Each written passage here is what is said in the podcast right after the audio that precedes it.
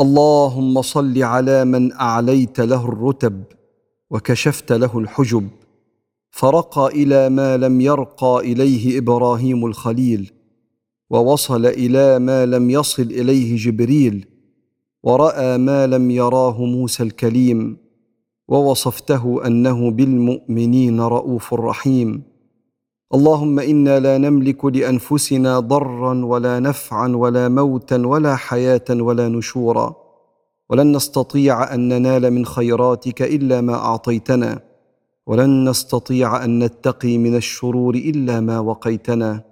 فوفقنا يا ربنا لما تحب وترضى من القول والعمل. يا مولانا ويا سيدنا.